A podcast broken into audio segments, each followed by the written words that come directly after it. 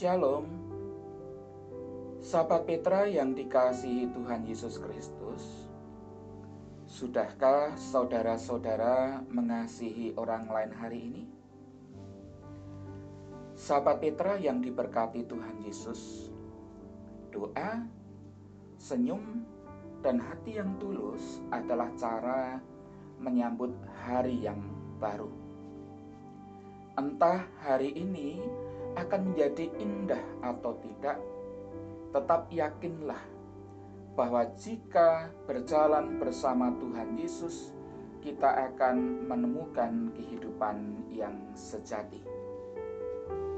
Sahabat Petra yang dikasih Tuhan, edisi Embun Pagi hari ini, Rabu 9 Februari 2022, kita akan mendengar dan merenungkan sabda Tuhan melalui Radio Petra di frekuensi 105,7 FM.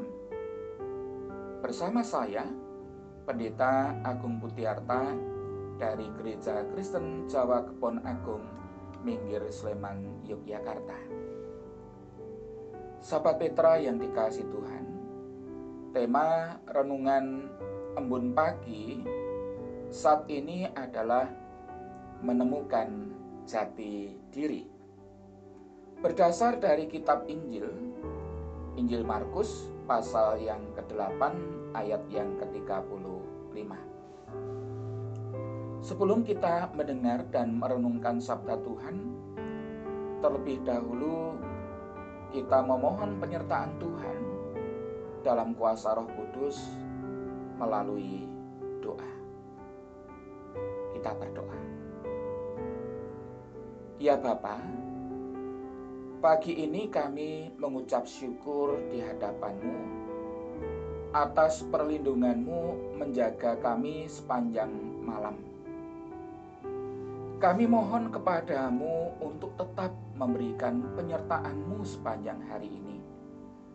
Sehingga bukan hanya hidup kami berhasil di dalam namamu, tetapi juga sanggup memuliakan Engkau di hadapan semua orang.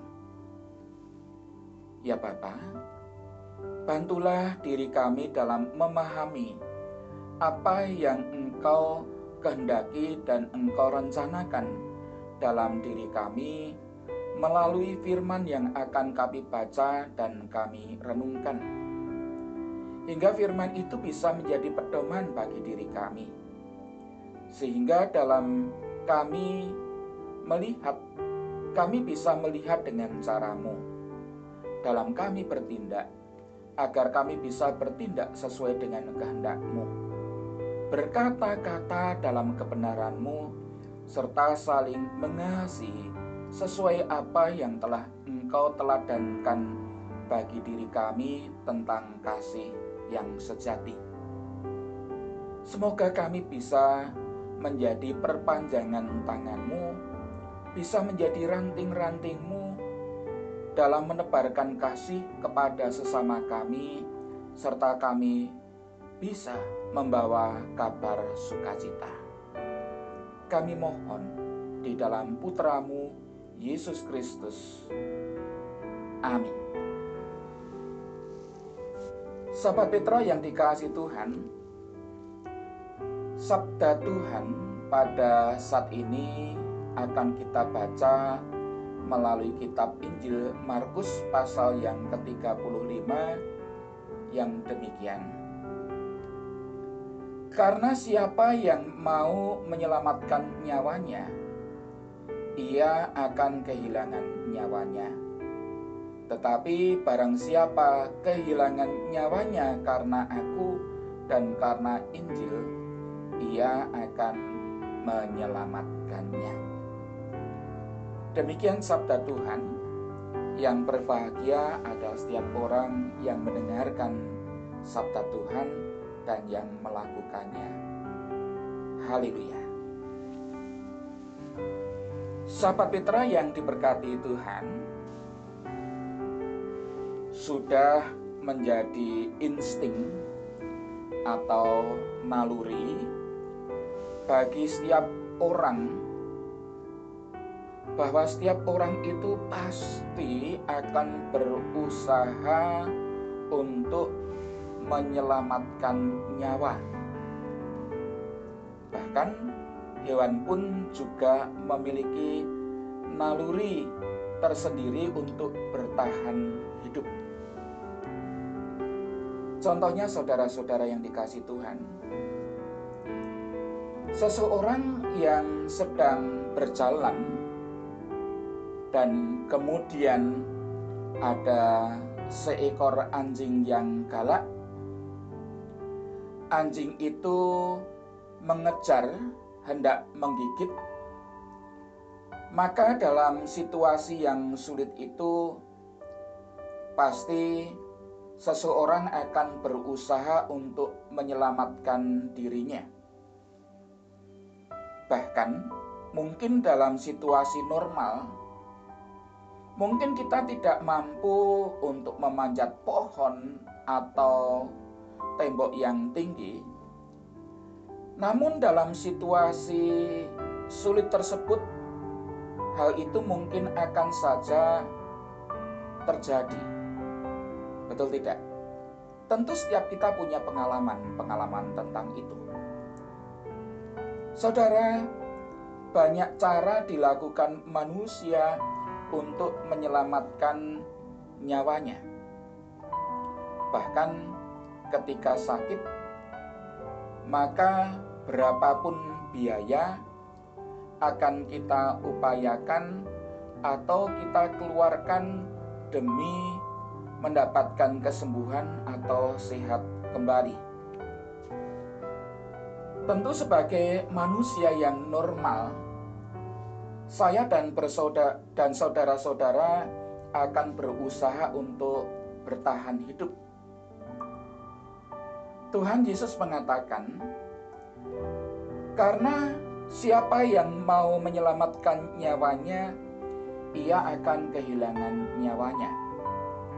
Tetapi barang siapa kehilangan nyawanya karena Aku dan karena Injil, ia akan menyelamatkannya." Sahabat Petra yang diberkati Tuhan, hidup yang diberikan Tuhan adalah sesuatu yang sangat berharga di dalam kehidupan kita, dan mestinya kita mampu untuk menghargai dan juga mensyukuri. Namun, bagaimanapun juga, hidup kita di dunia ini ada batasnya sehingga dalam ucapan Yesus selanjutnya ditegaskan apa gunanya seorang memperoleh seluruh dunia tetapi ia kehilangan nyawanya.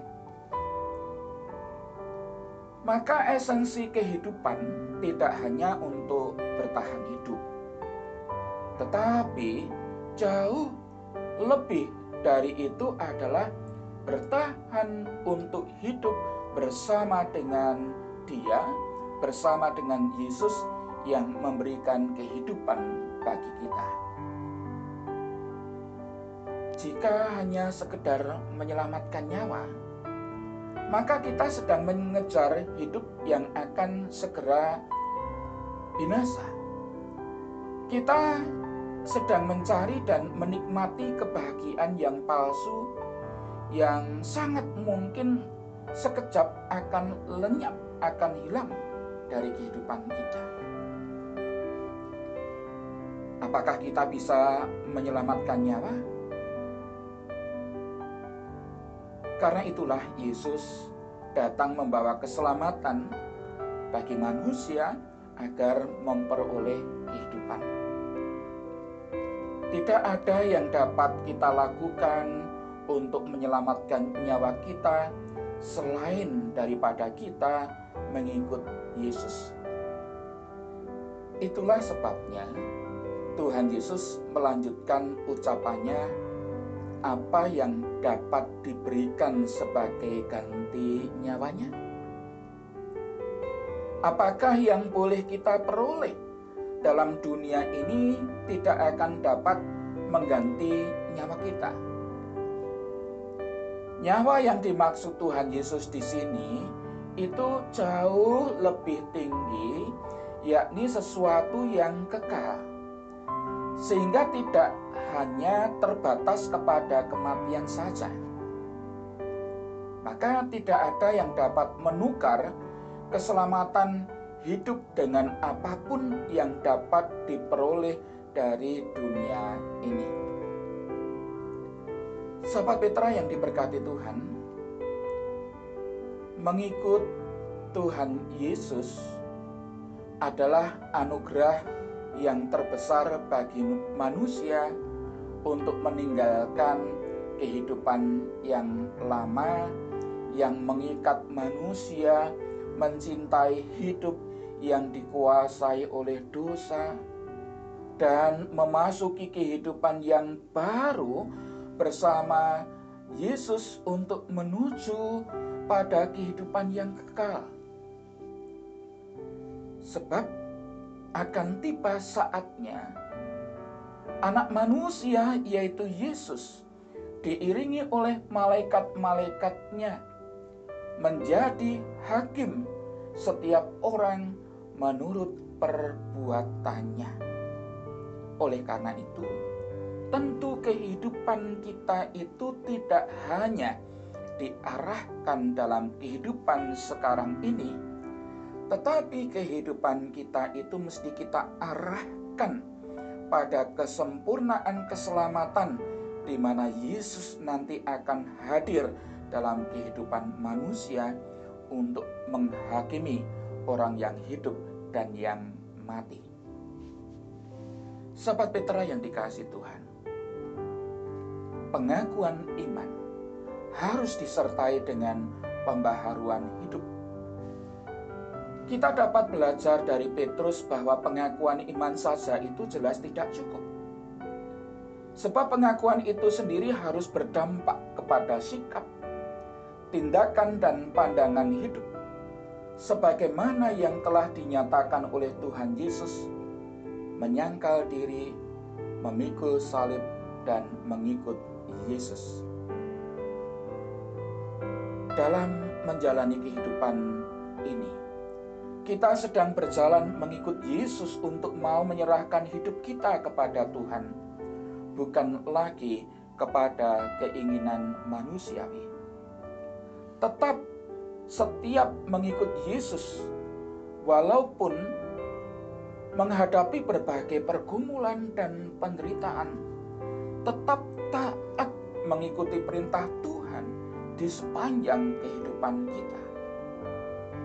Maka kita sampai kepada ungkapan yang mengatakan tidak ada mahkota tanpa salib dan tidak ada keberhasilan tanpa pengorbanan. Setiap orang dalam kehidupan memiliki salib masing-masing untuk dipikul. Dalam kehidupan kita ada banyak sekali tantangan yang harus kita hadapi. Apakah kita menghadapinya sesuai dengan pengakuan iman bahwa Yesus Tuhan dan Juru Selamat? dalam tekanan, dalam pergumulan, dalam suka maupun duka, dalam menjalani kehidupan ini. Apakah kita mau menyerahkan diri, setia dan taat kepada penggembalaan Kristus seumur hidup kita, sampai kita nantinya akan diam di dalam rumah Tuhan sepanjang masa? Tuhan Yesus mengingatkan, dan sekaligus menghiburkan murid-murid dan juga saya saudara-saudara hari ini bahwa hal yang penting berharga bagi manusia yaitu keselamatan itu sendiri. Kehidupan yang kekal akan menjadi milik kita ketika kita tidak takut kehilangan nyawa. Sekalipun sebagai konsekuensi mengikuti Yesus dengan setia daripada sukses dengan memperoleh seluruh dunia ini, tetapi kita akan kehilangan nyawa. Di sini Yesus membandingkan memperoleh semua dunia dengan nyawa. Kalau kita memilih manakah yang kita pilih? Saya pikir kalau kita sehat, tentunya yang saya maksud ini adalah berpikir normal, saudara. Kita akan memilih nyawa. Sangat logika sekali untuk apa seluruh dunia ini dengan segala kemegahannya, tetapi kita akan mati. Perlu ditambahkan yang dimaksud mati atau kehilangan nyawa bukan sekedar mati, tetapi mati yang kekal. Mengikut Yesus, menyangkal Yesus dan memikul salib berarti dalam mengikut Kristus benar-benar membutuhkan komitmen yang tinggi. Tidak boleh setengah-setengah. Sebab penyangkalan diri berarti harus menyalipkan segala keinginan daging kita, rela meninggalkan dosa dan kemudian berkomitmen untuk hidup seturut dengan kehendak Tuhan. Memikul salib berarti harus rela dibenci, dimusuhi oleh dunia ini karena nama Yesus. Bahkan dikatakan, Siapa yang mau menyelamatkan nyawanya, ia akan kehilangan nyawanya. Tetapi barang siapa kehilangan nyawanya karena aku dan karena Injil, ia akan menyelamatkannya.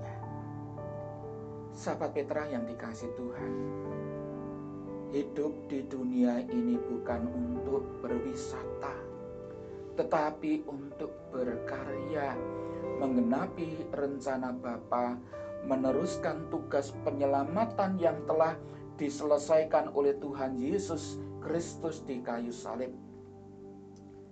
Sehingga rela kehilangan nyawa. Bukan berarti bersedia menyangkal diri terus-menerus untuk tidak menikmati hidup, memuaskan pikiran, perasaan dan kehendak untuk menikmati dunia sama seperti anak-anak dunia. Namun, yang kesukaan hidupnya hanyalah melakukan kehendak Bapa dan menyelesaikan pekerjaannya dengan setia. Amin. Mari kita berdoa. Terima kasih Bapa atas kesempatan yang telah Engkau berikan kepada kami di saat pagi hari ini kami engkau perkenankan untuk mendengarkan sebagian dari sabdamu. Bimbinglah kami selalu. Kami sungguh memerlukan engkau dalam setiap langkah kehidupan kami. Kiranya kasih setiamu mengalir melalui diri kami dan bantulah kami supaya menjadi pewarta kasihmu bagi sesama kami.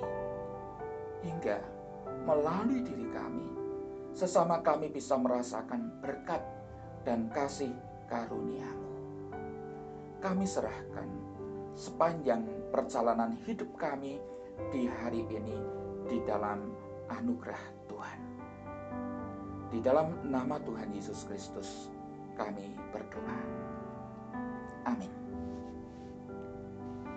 Demikian sahabat Petra yang dikasih Tuhan Yesus Kristus, Embun pagi pada hari ini Rabu 9 Februari 2022 Kiranya sabda Tuhan memberikan hikmat, kekuatan, dan penghiburan bagi kita untuk melewati sepanjang hari ini Saya Pendeta Agung Putiarta dari Gereja Kristen Jawa Kepon Agung Minggir Sleman, Yogyakarta memohon diri dan mohon maaf pamit mohon maaf.